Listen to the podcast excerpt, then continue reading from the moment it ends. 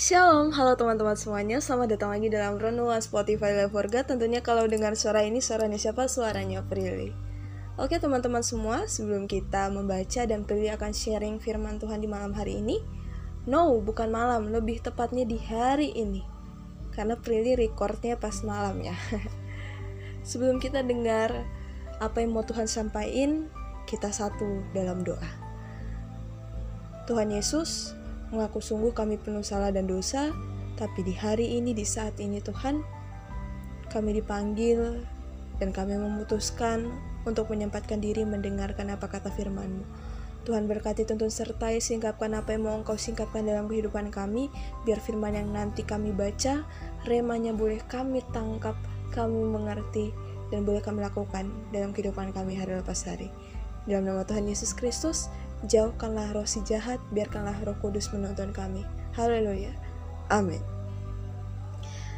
Kita boleh buka sama-sama dalam Ibrani pasal 12 ayat 1 hingga ayat yang ketujuh. Ibrani pasal 12 ayat 1 hingga ayat yang ketujuh dan Prilly akan bacakan untuk kita semua pada ayat yang ketiga. Ibrani 12 ayat 3 beginilah bunyi firman Tuhan. Ingatlah selalu akan dia yang tekun menanggung bantahan yang sehebat itu terhadap dirinya dari pihak orang-orang berdosa, supaya jangan kamu menjadi lemah dan putus asa. Teman-teman Life for God, para member yang terkasih di dalam Tuhan kita Yesus Kristus, apakah kalian sedang bergumul? Prilly mau sharing bahwa Prilly mengaku Prilly punya sikap yang buruk, yaitu apa teman-teman? Kurang peka.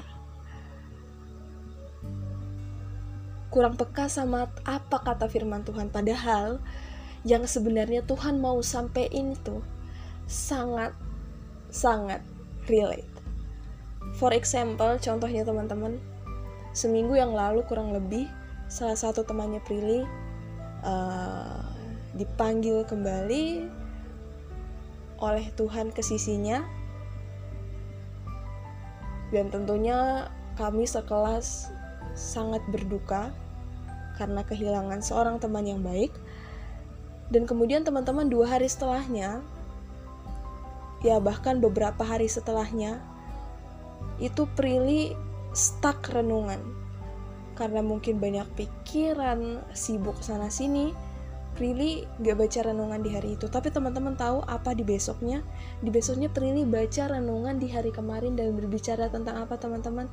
Berbicara tentang kedukaan.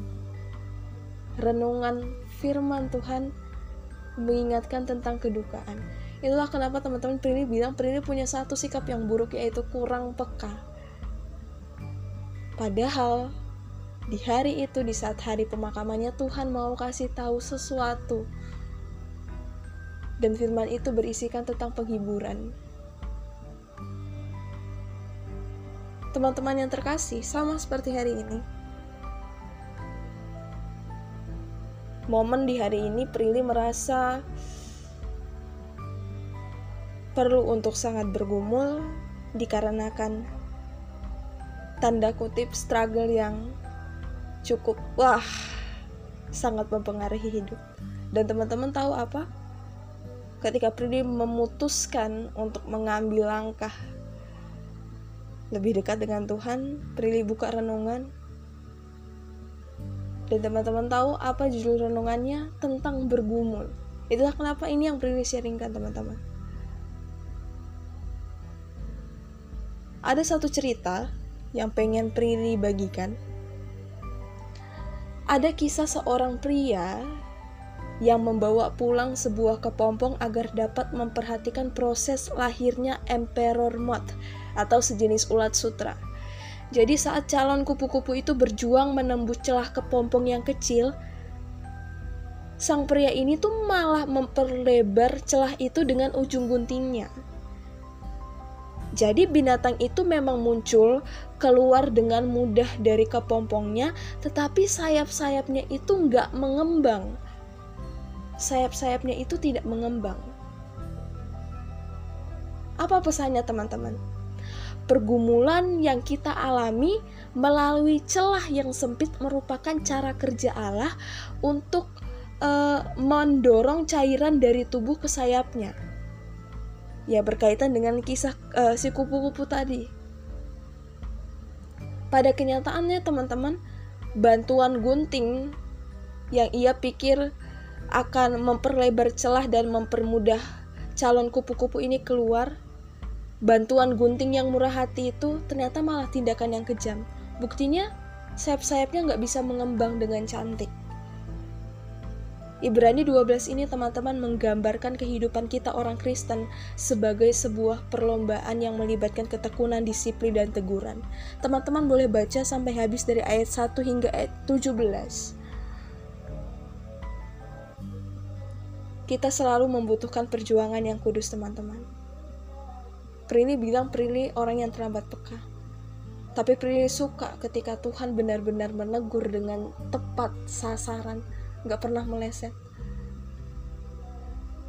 Kita selalu membutuhkan perjuangan yang kudus untuk melawan diri sendiri dan dosa, kedagingan-kedagingan yang ada dalam hidup kita, teman-teman. Kadangkala, pergumulan memang justru kita perlukan untuk menjadi pribadi yang sesuai dengan maksud Tuhan.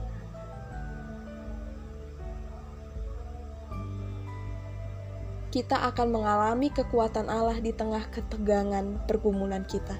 Sekali lagi teman-teman, kita akan mengalami kekuatan Allah di tengah-tengah pergumulan kita. Tetap bergumul, tetap cari Tuhan, datang sama Tuhan, penyembahan, berdoa, baca Alkitab, puasa.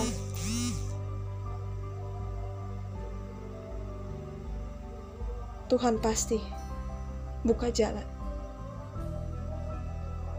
Tuhan Yesus memberkati kita semua dengan firman-Nya. Amin. Kita tutup dalam doa.